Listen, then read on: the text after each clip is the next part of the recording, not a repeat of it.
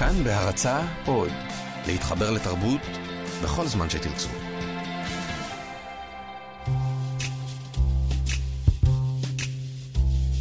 אז מה אתם ראיתם?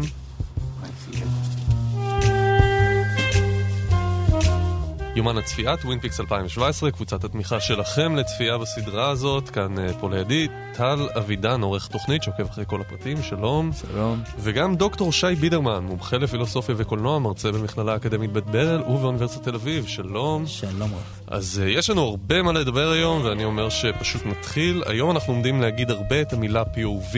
נכון. למה זה חשוב? כי באמת בסמסטר א' של לימודי קולנוע מתחילים לדבר איתך על נקודת מבט, point of view, ומכאן הקיצור POV.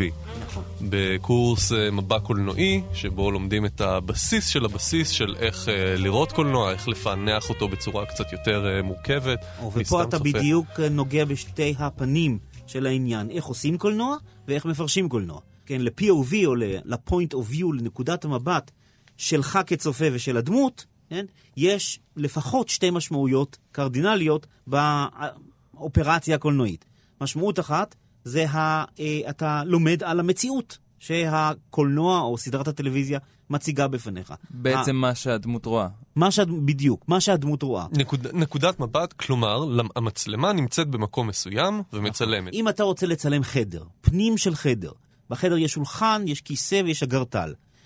אלה הם העובדות לגבי החדר, ואת העובדות האלה אתה יכול להראות בכמה וכמה דרכים שונות, כאשר כל דרך שתבחר בה תלמד אותך לא רק על מה שנמצא בחדר, אלא תלמד אותך גם, ואולי בעיקר, על מי שמסתכל על פנים החדר. וזה לא רק איך הוא רואה את זה, לא רק הזווית של המצלמה אה, מבחינת המבט, זה גם מה שהוא רואה. כל דמות בוחרת משהו אחר להסתכל עליה, ודרך הדברים האלה אתה יכול ללמוד על הדמות עצמה. נכון מאוד. אז אתה לומד על המציאות, ולזה יש משמעויות פילוסופיות. אתה גם לומד על זה שמסתכל על המציאות. על זווית ההסתכלות שלו, על מה, מה מעניין אותו, כמו שטל אמר קודם, מה מטריד אותו, איך הוא רואה את הדברים, כן? ולפיכך אתה לומד לא פחות על הסובייקט, על האינדיבידואל, על הדמות, תקרא לזה איך שתקרא, אה, לא פחות מאשר על המציאות שבה היא צופה. אוקיי, בואו נדבר על פרק 11, בהחלט. ונבדוק גם מה המשמעות הפילוסופית, אומנותית של השימוש של אה, לינץ' בנקודות מבט. יפה. וב-POV. יפה, ופה רק הייתי רוצה ברשותך להוסיף משהו, שכן לפני שאנחנו גולשים לתוך העלילה של פרק 11, חשוב להבין מדוע החלטנו לסמן אותו עם, המילי, עם המילה, עם ראשי התיבות POV. לינץ' למעשה אה, בפרק הנוכחי עושה את אותם דברים שהוא עשה בפרקים קודמים, רק הפעם דרך ה... הכלי הזה, דרך הזווית הזו שנקראת אז. בואו בוא נדבר על הסצנה. הראשונה בפרק. בסצנה הזו אנחנו רואים אה, ילדים משחקים בכדור בייסבול, נכון. והמצלמה עוברת בין שני הילדים, ופתאום אנחנו מגלים שיש ילד שלישי גם. נכון. יש פה איזה מין טריק מבלבל. א', ה- אם אנחנו שואלים מה נקודת המבט, אז נקודת המבט היא מהצד. אנחנו נכון. לא מזדהים עם אף אחת מהדמויות. עכשיו, אני, אני חושב שאנשים יוכלו להזדהות איתי. כשאני ראיתי את הסצנה, בהתחלה חשבתי שיש שם שני ילדים, ורק כשזה מתרחק ואתה רואה שהם סך הכל שלושה, אתה מבין שטעית באיזשהו אופן כשבהית ב... כשהסתכלת על הסצנה. שני ילדים שהסתבר שהם שלושה, בגילאים שונים, משחקים ב catch, כן, משחקים במסירות, אה, מסירות, כמו שהיינו קוראים לזה פעם, של כדור בייסבול, אה, בתמימות פרברית, אה, טריילר פארקית אמריקאית. אה, שיש בזה הרבה מאוד... הרבה מאוד תמימות בנקודת המבט הזו, כן? הרבה מאוד אה, אה, אה, אה, אופטימיות, אבל אז פתאום מצטרף, כמו שאמרת, ילד שלישי, שתנועת המצלמה שהייתה אמורה להוביל לילד השני, הובילה בעצם אליו באופן שאותך כצופה, ואת נקודת המבט שלך, בלבל או ערער לחלוטין. נכון, וזה מקפיץ אותנו ל... לאן שהסצנה הזאת היא חותרת. כן, כי כשהם לא תופסים את הכדור והוא מתגלגל, הם מוצאים את אה, מרים הפצועה. אה, חצי גוססת, שאגב, אני אמרתי לעצמי, אוקיי, טל צדק. אני חשבתי שהיא, אני חשבתי שהיא לא תשרוד, וטל אה, אז צדק. כן, פה יורשה להזכיר שבפרק הקודם שלנו, טל ניבא שמרים לא מתה, כיוון שלא ראינו אותה. הכדור מוביל אותם למבט על מרים, גם לנקודת מבט חדשה, על אותה מציאות בעצם. נכון. ואז המצלמה מתייצבת מולה, והיא מגיחה בזחילה מבין השיחים, ואומרת, תזעיקו עזרה, אם אני לא טועה. נכון, אז מה, מה אני רואה בקשר בין מה שהתחלנו ל, לאן שזה נגמר? אה, אנחנו, מנקודת מבט מהצד, גם שם עבדו עלינו כשראינו את מרים כביכול מתה. נכון. ובאותו תרגיל עשו לנו, גם ככה פתחו את הסצנה, אמרו לנו, אל תסמכו על הנקודת מבט הזאת. אתם מצד אחד רואים שני ילדים, מצד שני אה, אתם רואים שלושה ילדים, ולפתע אנחנו רואים עוד פעם את מרים חיה. אז הנקודת מבט מהצד, האובייקטיבית כביכול, היא לא באמת אובייקטיבית. אה, החיבור שטל עשה פה בין הצצנה הזו שפותחת את האפיזודה הנוכחית לבין צצנת מותה של מרים, מותה שזאת סצנת המשוער, הפתיחה של הפרק שזאת סצנת הקודם. הפתיחה של הפרק הקודם. אלו שתי צצנות פתיחה שהקשר ביניהן מתבצע, או נוצר ומתבצע, בראשו של הצופה. הצופה המסור, אגב, שזוכר את האפיזודה משבוע שעבר. וכיוון שכך, אנחנו הם אלו, אנחנו הצופים הם אלו שב-POV שלנו יוצרים את המשמעות הזו, את מרים הקמה לתחייה, את המבט הכביכול אובייקטיבי שאמרת קודם, שהוא נותן לדברים האלו תוקף מסוים מפאת האובייקטיביות שלו. אבל בעצם אנחנו מדברים כאן על מצג קולנועי. מצג קולנועי שעוד לפני שניכנס לרזולוציה של אובייקטיבי או סובייקטיבי, ה-POV המסוים הזה הוא אובייקטיבי או סובייקטיבי, הוא מבט קולנועי, שלא מחויב לשום דבר, בוודאי לא לאמת או למציאות או לקוהרנטיות. אני חושב שהשאלה של אובייקטיבי, בייחוד בקולנוע, היא שאלה מאוד מאוד מסובכת. בגלל שנגיד אה, ההשוואה. אם אנחנו מדברים ממש על המאפיינים של קולנוע, השוואה למשל לספרות, תהיה המספר. מי הבן אדם שמספר לנו את הסיפור, והאם אנחנו יכולים לסמוך עליו, האם הוא, האם הוא מספר לנו את האמת כפי שהיא קרתה בעולמו. המצלמה אבל היא לא כמו מילים שבן אדם מדבר, כי אם טל דיבר על הפתיחה שבה המצלמה עוברת מצד לצד והוא לא ראה את הילד. אני, אחרי שדיברת איתי, אני ראיתי את הקטע הזה עוד פעם, ואנחנו רואים את הילד באמצע. פשוט המצלמה חולפת, ואנחנו רואים איזה כתם. מבחינה אובייקטיבית, המצלמה צילמה אותו, אבל גם המצלמה כשהיא זזה, היא מראה לנו לאן להסתכל, למה למקד את המבט. אז היא אנחנו גם עוקבים אחרי אובייקטיבית... הכדור. נכון, נכון. היא גם אובייקטיבית והיא גם סובייקטיבית. נכון. אנחנו עוקבים אחרי הכדור, והמצלמה בוחרת גם באיזה מהירות לנוע, והיא יכולה לנוע באופן כזה שבו היא אולי מראה, אבל בעצם לא מראה. אני רק רוצה להזכיר לכם את האופן שבו ברד פיט נגלה לראשונה בסרט אה, אה, מועדון קרב. הוא נגלה בהבזק, ובעצם לא נגלה. כלומר, אתה מרגיש שראית משהו, אבל אתה לא יודע מה ראית. כש- וכיוון שאתה לא יודע מה ראית, אתה לא יכול להגדיר מה ראית, אתה בעצם לא ראית כלום. כי לא ראית שום דבר שהוא בר הגדרה. ואחרי זה הוא גם uh, עובד uh, בלשים פריימים בקולנוע. בגיל, כן. לפ, בגיל בר מצווה הייתי רואה את הסרט הזה בלופים, אבל בואו נמשיך לסצנה של ה-FBI, שאני מניח, הפתיחה בסדר, יש שם קצת משחקי מצלמה, אבל הסצנה של uh, גורדון ותמי ואלברט ודיין כמובן. וביל הייסטינג והנהג שיש לו זה- שם. זה לא נהג, זה השוטר. בדי- מקלי, קוראים לו מקלי. מקלי. הם כולם מגיעים לזירת הפשע, אם אפשר לקרוא לזה ככה. נכון, אנחנו- אבל שוב, אנחנו ממשיכים לצנה הזאת לא רק כי היא הבאה בתור באפיזודה, אלא בעיקר כי אנחנו רק סיימנו עכשיו לדבר על ההבדל בין אובייקטיבי וסובייקטיבי. איך, איך הסצנה מתחילה?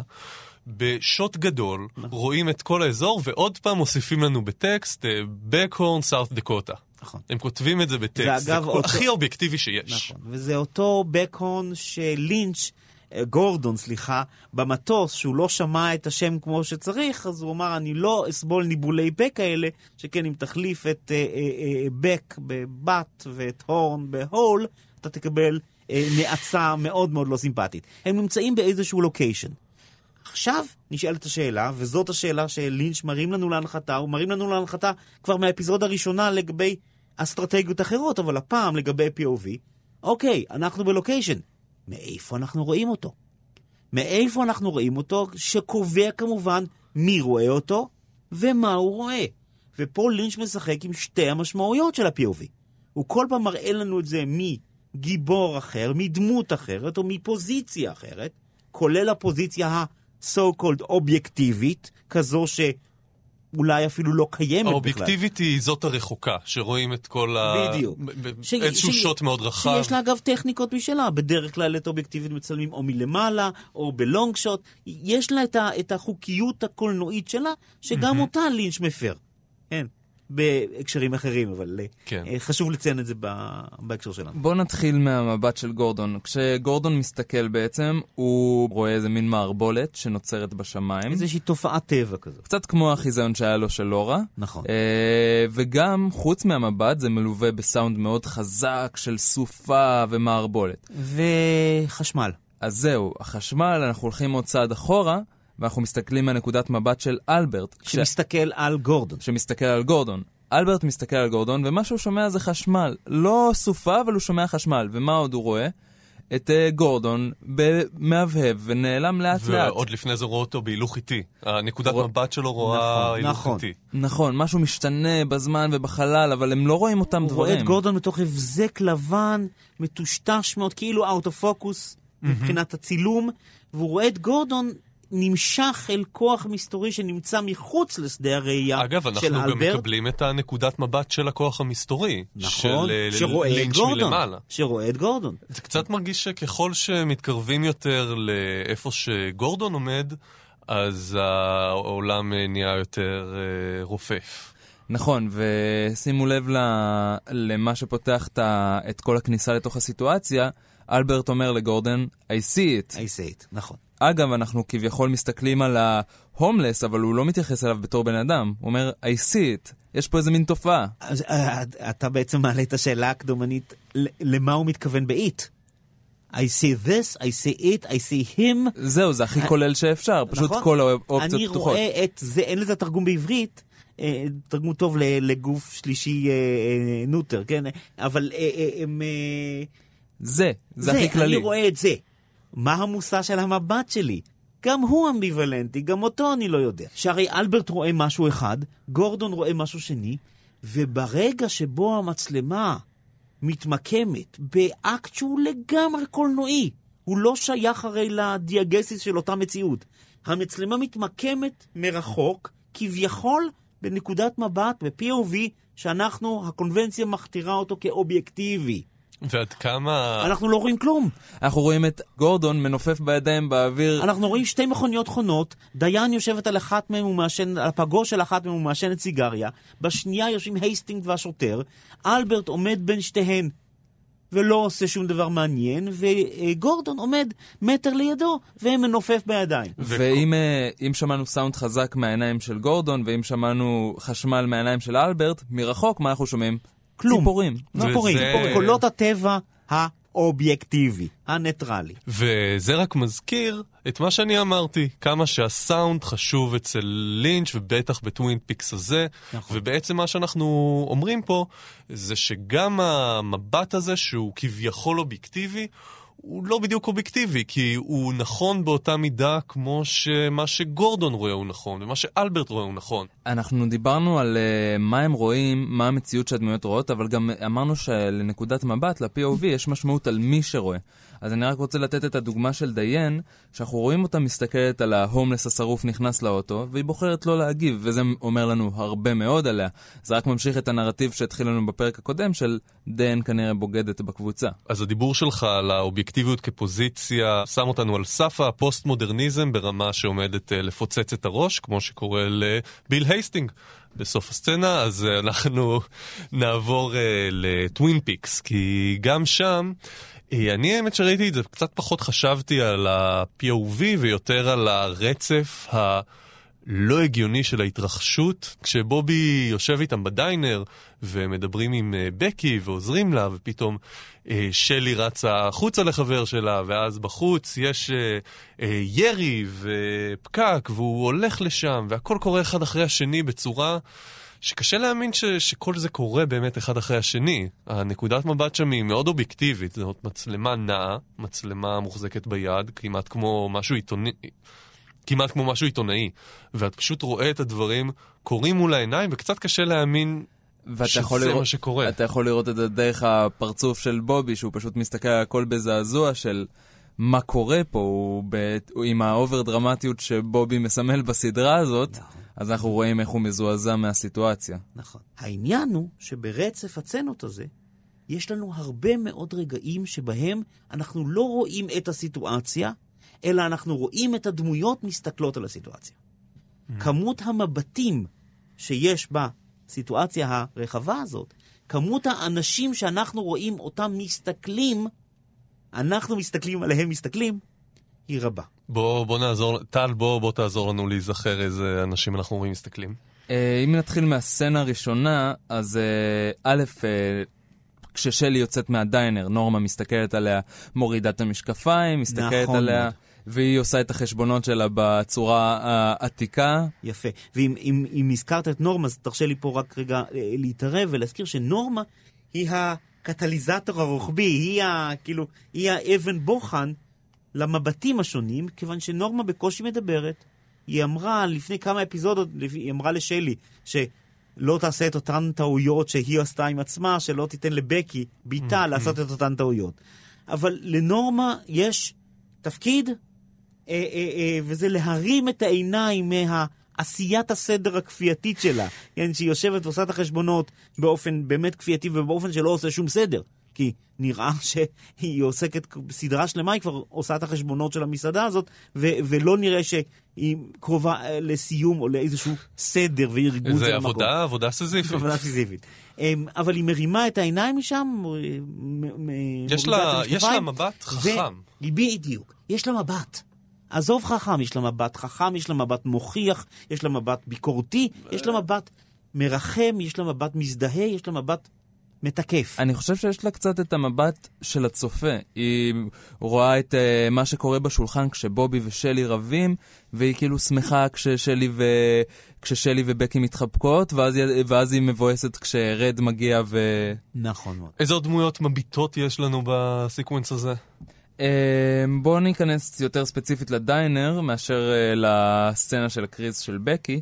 אז יש לנו באמת את המבט של נורמה אמרנו, ויש לנו את המבט של שלי שמשדר ילדה מאוהבת, שזה רגע אחרי שהיא נופלת על הבת שלה שהיא מאוהבת באיזה ג'אנקי, אז uh, יש לנו פה את uh, שלי מאוהבת בסוחר סמים.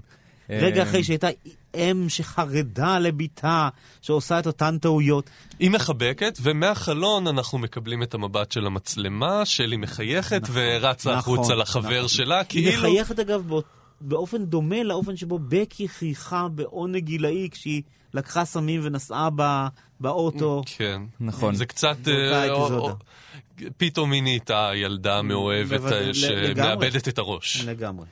אה, ובובי הוא בעצם מי שדי מוביל לנו את הסצנה הזאת. נכון מאוד. הוא זה שהסיפור הולך עם, עם, איתו, הוא המבט באמת השולט, ולדעתי מה שהוא רואה שם זה פשוט איך דור חוזר אחרי הדור של הטעויות שלו. אם זה מתחיל בזה שהוא רואה את אה, שלי, שהיא כביכול הדוגמה לבקי, שהיא מסבירה לבקי מה נכון ולא נכון, ואז היא ישר משדרת מה לא נכון במה שהיא עושה. ואם נמשיך על הרעיון של הבן דורי, אז יש יריות, בובי יוצא החוצה, ומה הוא רואה? ילד ואבא, הילד ירה עכשיו עם האקדח, לאבא אין כוח להתמודד עם זה, והם לבושים בדיוק אותו דבר. נכון. הילד מסתכל על בובי במבט של מה אתה רוצה, ואבא והילד עם אותו כובע, אותו ג'קט, אותו ג'ינס, אותם נעליים, ואותה עמידה בוגרת. אותה עמידה בוגרת, ואנחנו פשוט רואים איך דור משפיע על הדור מתחתיו, ובובי פשוט מסתכל ובשוק. שהוא אגב היה הסמל של הדור המשך אחרי מייג'ור בריגס, שהציב לו את הרף הכי גדול, ובובי היה צריך להיכנס לנעליים הכי גדולות.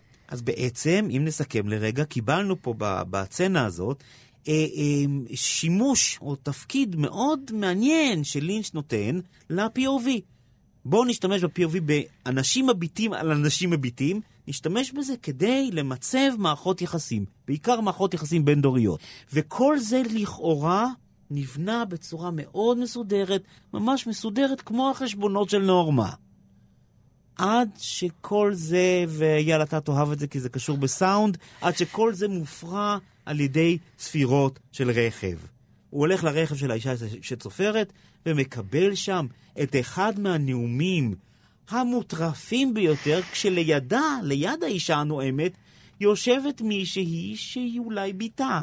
אני לא יודע, והיא יכולה מאוד, ואנחנו מאחרים, אנחנו כבר באיחור. למה? לארוחת ערב. ואז הבת מקיאה איזושהי, איזשהו ריר אה, אה, עפרפר. קצת כמו במגרש השדים, היא נראית כאילו צריך להוציא ממנה שד. נכון. ורק לציין שה, שהעצבים של האישה, הנהגת, מתחילים מזה שהיא מספרת על זה שהיא מאחרת לארוחה משפחתית. ואז אנחנו רואים את הבת שלה, ככל הנראה, כן. פשוט מקיאה, וזה מה שמסכם לנו את כל המאבק הבין-דורי הזה. פשוט בובי מסתכל מבועת והוא שואל, מה הולך פה? מה הסיפור של ההורים בעיירה הזאת? מה הסיפור של הילדים? משהו לא נכון מה, בקשר מה המשפחתי. הסיפ, מה הסיפור? מה הסדר? ולינץ' משתמש פה ב, ב, באסטרטגיה הכל כך קולנועית והכל כך מובהקת של point of view, שדיברנו עליה מתחילת האפיזודה היום, אה, אה, מש- משתמש בה כדי להגיע בסוף אל הנאום המטורף של האישה המטורפת, עם בתה המטורפת והחולה, כן? כדי לאמת אותנו עם מה, מה המסקנה של כל? זה- זה... אין לזה היגיון, אין לזה פענוח, אין לזה פרשנות. האינטנסיביות של הטירוף שלה, זה קצת, ואני מוביל פה לצנה נוספת שעוד נדבר עליה מיד, זה קצת אה, אה, אה, תמונת ראי לאדישות של קנדי. Hmm. יש לנו פה מצד אחד אינטנסיביות חסרת כל פרופורציה. זאת הרי הפואנטה של ה-POV הזה. יש לנו פה POV של אישה שאיבדה את הצפון לגמרי. מדברת באינטנסיביות על מה? על מה, ריבונו של עולם, על מה את מדברת? שהיא לא ראתה. את הדוד שלה הרבה זמן. בדיוק. אז כן. בואו בוא נדבר על קנדי, אם היא עלתה. אה, אי, אי אפשר שלא, אנחנו מאוד אוהבים אותה. אותה אנחנו רואים אה, מתוך הסיפור של דאגי, שדאגי עובר אה, עוד פעם אה, סאגה שלמה. עם האחים אה, מיטשם שרוצים להרוג אותו, אבל אחד מהם חלם חלום, ואז הם אה, מוצאים בקופסה שלו את הפאי דובדבנים, שזה אחד הסמלים של אה, קופר ושל נכון. טווין פיקס. נכון מאוד. ואז הוא מביא להם את הצ'ק, והסיפור נפתר, והם אה, נמצאים בקזינו, ואוכלים, וחוגגים, והפסנתרן מנגן, ובאות הבנות, ומגיעה קנדי, שלראות באותה סצנה את דגי ואת קנדי, שני גיבורינו. כן, איזשהו, איזשהו הקשר שאני אפילו לא, לא חשבתי עליו שניהם, פעם שעברה. שניהם וג'סי זה פשוט תחרות מי הבן אדם הכי תימוני בסדרה כרגע. אם, אם דיברנו על נקודות מבט, אז מה, מה אנחנו יכולים להגיד על נקודת המבט של דגי בתוך טווין פיקס? אה, כל העניין של נקודת מבט אה, סביב הסצנות של דאגי, לדעתי נוגע בין הרעיון של מי מסוגל אה, לראות את המציאות הגשמית, ומי מצליח לשלב לתוכה את כל העולם של החלומות. כי אנחנו רואים ריב בין האחים מיטשם, מה הולך לקרות. אחד רוצה להרוג את דאגי, והשני לא סגור על זה, וזה הורג אותו מבפנים, כי הוא לא יודע אם לערבב את מה שהוא חלם עם המציאות. מה שמוכיח לו שהחלומות עם המציאות אה, הם נכונים, זה שהוא רואה שה, שהחטח מתחת לפלסטר אה, נרפא. עכשיו, השוט שהכי מבהיר את זה, זה הנקודת מבט המשותפת של האחים מיטשם על דגי. הס- המצלמה עומדת בדיוק באמצע בין הפרצופים שלהם, והם בוויכוח האם הם הולכים להרוג את דגי. דגי ברקע במטושטש קטן, כשאחד אומר שמה שנכון זה מה שהוא חלם, והשני אומר, מה שנכון זה מה שאני רואה עכשיו מול העיניים שלי. וביניהם יש את דגי שלא אכפת לו, הוא רק עומד שם. הוא עומד שם עם הקופסה, נכון, מטושטש, נכון. הוא בכלל מחוץ לתמונה. נכון. אני האמת מרגיש שדגי, אחרי שבילינו איתו הרבה זמן, גם פעם שעברה אמרתי כמה מערכת היחסים שלו עם כמה שמוזרה בעיניי היא אידיליה, אני חושב שדגי הוא הצופה האידיאלי של טווין פיקס. הוא. הוא, הוא אדיש, הוא רואה, הוא פשוט רואה, הוא מובל, הוא לא מנסה להבין. הוא לא מנסה להבין יותר מדי, הוא לא חושב מה היה פעם ואיך הוא יכול להבין את זה מדברים מפעם. אתה יודע, אני, אני שומע את המטאפורה הזאת פעם ראשונה, ו, וזה יפה. זה יפה מאוד מה שאמרת עכשיו, כי אני לא יודע אם זה הצופה האידיאלי של טווין פיקס, אבל זה בוודאי היבט של האופן שבו לינץ' אה, אה, אה, רואה את הצופים, את צופי הטלוויזיה והקולנוע בכלל. כצופים שהם, לא, זה לא רק המובלות האוטומטית הזו, זה גם התאווה הזו, כן, הבלתי ניתנת לריסון ושליטה, לפענח. אבל דגי לא מסוגל לפענח לא רק כי אין לו את היכולת, אלא כי אין דגי. מי זה דגי? ואז אנחנו מגיעים עם המערבולת הזאת עד לנקודת קריסה, ואז אנחנו חוזרים אחורה. אם אין דאגי, אז אין גם מישהו שמפענח. אם אין מישהו שמפענח, אז כל השאלה אם אפשר לפענח, או אי אפשר לפענח, אם יש בכלל כתב חידה שאותו אני צריך לפענח, כל השאלות האלה נגזרות, במקרה של האפיזודה היום, מה-POV, מאותה דמות, מאותה ישות, מאותו אינדיבידואל, סובייקט, ווטאבר, שמסתכל ומפרש. אז אני מרגיש שנקודת קריסה וכתב חידה זה הזמן לעבור לפינה של טל. אז אה, אני אתחיל, קודם כל דיברנו על יחסי אה, תוך משפחה, אז אני אציין אה, פרט נחמד, אה, כולם התלהבו שריילי לינץ' הופיע לפני איזה חמישה פרקים אה, בטווין פיקס, אבל אה, אף אחד לא התלהב שטרוויס פרוסט הופיע בפרק הזה. אז אה, אם אנחנו מדברים על יחסי משפחה, אז הבן של מרק פרוסט אה, הוא הבן אדם שרואה את מירי מגיחה מהעצים. אז. הנה משהו נחמד. הילד. הילד, כן. אה, זה הילד של מרק פרוסט. זה הילד של מרק פרוסט. היוצר של הסדרה. האבא שלו. הרי זה האבא של דונה, לא? זה הרופא, זה... נכון, יש לנו פה בעצם אה, אה, דור שלישי שמשתתף בסדרה. אם היה לנו את דוק הייוורד שהוא אבא של מרק פרוסט, יש לנו את מרק פרוסט שהוא כותב הסדרה, והבן של מרק פרוסט, עכשיו ראינו אותו בפרק. אה, לפרט הבא, עוד איזה עניין של ילדים. אליסיה וויט, היא בעצם, התפקיד הראשון שלה היה בחולית אצל דיוויד לינץ'. עכשיו, מי זאת אליסיה וויט? אה, היא גרצ'ן הייוורד, אחות הקטנה של דונה. והיא הופיעה בפרק הזה אה, בתור דמות מאוד שולית. היא, כשראינו את סטיבן מסתכל למעלה, אה, שהוא שומע את היריות במלון, אז הוא מחבק שם איזה בחורה. זאתי אחות של דונה. ל... אה. זאת גם אותה שחקנית וזו גם אותה דמות. זה פעם No ראשונה שאנחנו רואים. אותה? זאת פעם ראשונה שאנחנו רואים אותה, וזאת פעם שנייה שאנחנו רואים אותה בכלל בסדרה, אבל פעם האחרונה שראינו אותה זה היה לפני 25 שנה. בדיוק, זה... אה. אנחנו רואים אותה כשדונה לוקחת לה את האופניים. לא, זאת לא האחת. אה, אליסיה וויט היא האחות של דונה שמנגנת על הפסנתר, הג'ינג'ית. עכשיו, אני רק רוצה לציין שראינו אותה, והיא גם, אה, הקריירה הקולנועית שלה נולדה בחולית, אבל לא רק זה, גם שהיא הופיעה בפרק הראשון של העונה השנייה של טווין פיקס, אז זה היה בין הפעמים היחידות שהקרדיטס לא היה עם הפרצוף של לורה.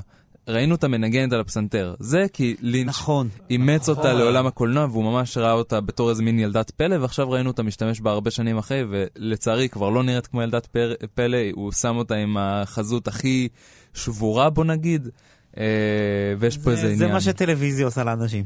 נכון.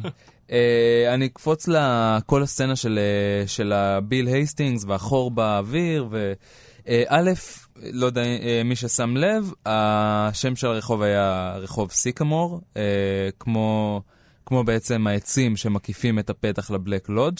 סתם זה היה פרט קטן שהסתתר. אה. אה, אז גם שם יש איזשהו פתח למשהו. בדיוק, גם שם יש פתח.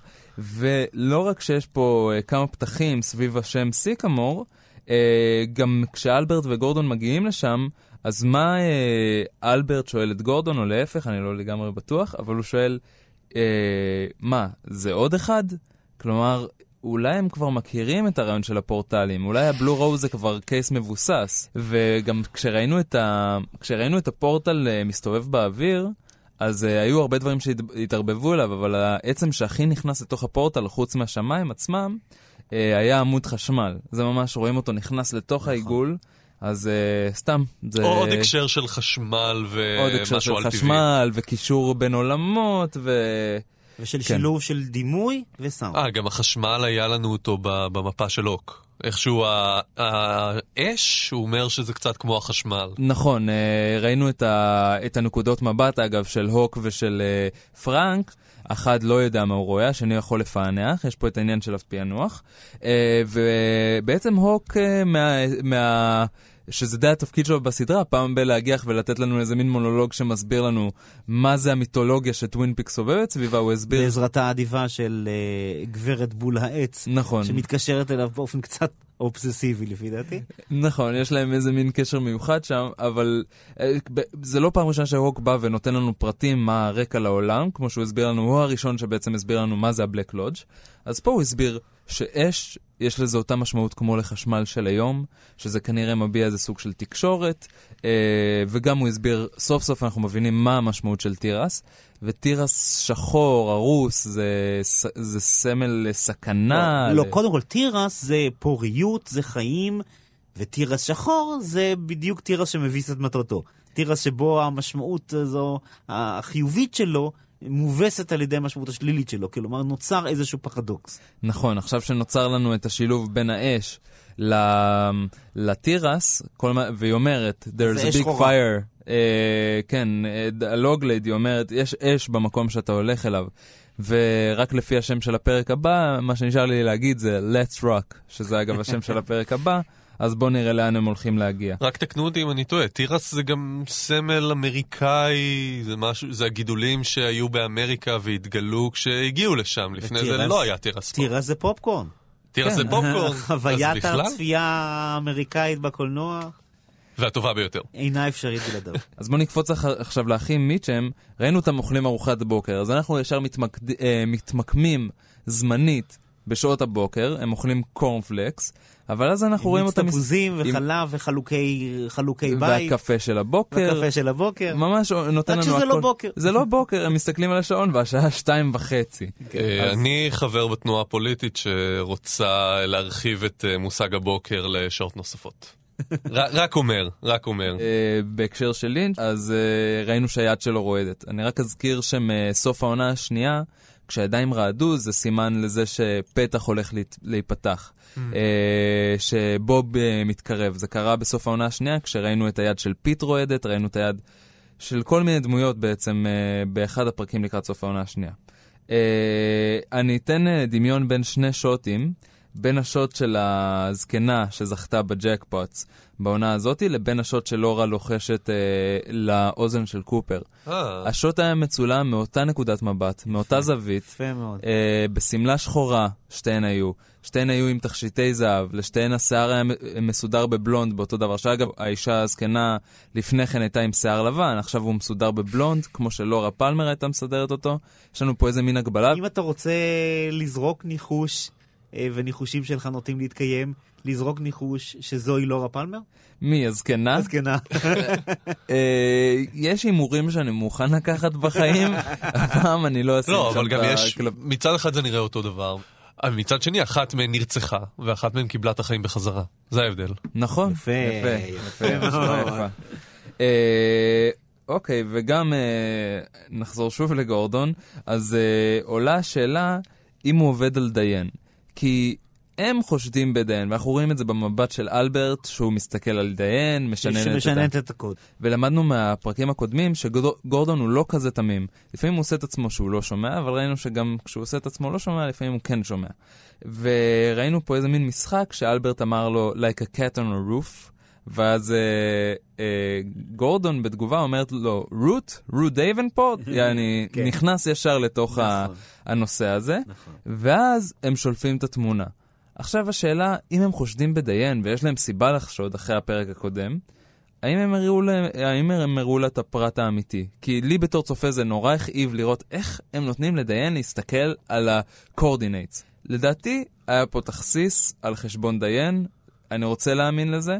Uh, וגם ראינו את הס... uh, איך הוא משחק על זה שהוא לא שומע, כשדיין אמרה לו משהו והוא לא שמע, ואחרי זה היא לוחשת לעצמה משהו לג- לגבי סיגריות, ופתאום הוא עונה לה, הוא שומע את זה. Uh, אז אני, אני רוצה רק להעיר פה שגורדון, הלו הוא לינץ', מדגים יפה מאוד בדמותו שלו ובמעשיו הקולנועים טלוויזיוניים, שלשמוע או לא לשמוע זה לא קשור ללהקשיב. אתה יכול להקשיב אבל לא לשמוע, ואתה יכול לשמוע אבל לא להקשיב. ושני אלו גם יחד לא קשורים להבנה. אתה יכול לא לשמוע, לא להקשיב, או כן את שניהם, ולא להבין, או כן להבין. ולינץ' וגורדון יוצרים את הניתוק ואת החיבור מחדש של שלושת הפעולות האלה. מה שאתה אומר זאת בדיוק הדרך להסביר את מה שקורה לנו במרחק בין הדמות של גורדון לבין הבמאי לינץ'. יש לנו את הבמאי לינץ', שהוא כותב הסדרה יחד עם מרק פרוסט, אבל הוא יודע מה קורה כל הזמן. ויש לנו את הדמות של uh, לינץ', הוא לא רק יודע מה קורה, הוא יוצר את מה שקורה. הוא יוצר את מה שקורה. אגב, אם דיברת על ניתוק יוצר מה שקורה, זה לא אותו דבר כמו יודע מה שקורה. נכון. נכון. נכון. יוצר לאו דווקא צריך להתחייב שהוא יודע מה הולך בעולם שהוא אבל יצר. איך הוא עובד על עצמו, כשבקרדיטס הוא מציין, כלינץ' הוא מציין בקרדיטס את הוודסמן בתור וודסמן. ושהוא רואה אותם, הוא רואה אותו, אותם כשהוא גורדון. כשהוא גורדון. הוא רואה אותם כמונו, כמו הצופים, הוא אומר, הומלסים, אנשים אה, מלוכלכים, מזוקנים. גם הוא לא יודע איך לקרוא להם. הוא גם לא יודע איך לקרוא להם, והוא קרא להם בדיוק באותם שמות שאנחנו קראנו שאנחנו קראנו להם.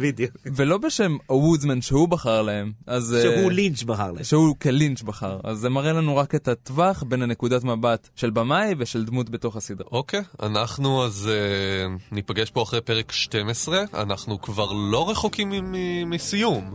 אז uh, נגיד תודה לך, טל אבידן, תודה רבה לדוקטור שי בידרמן, תודה רבה לרום אטיק, תודה רבה לטכנאי שלנו אייל שינדלר. Uh, תודה לי, שאני אייל גבע. לפרקים נוספים ביומן הצפייה שלנו לפודקאסטים נוספים, כנסו לכאן, org.il/פודקאסט. ולסיום, יש לך משהו להגיד לסיום? I'll see you in my dreams. יפה.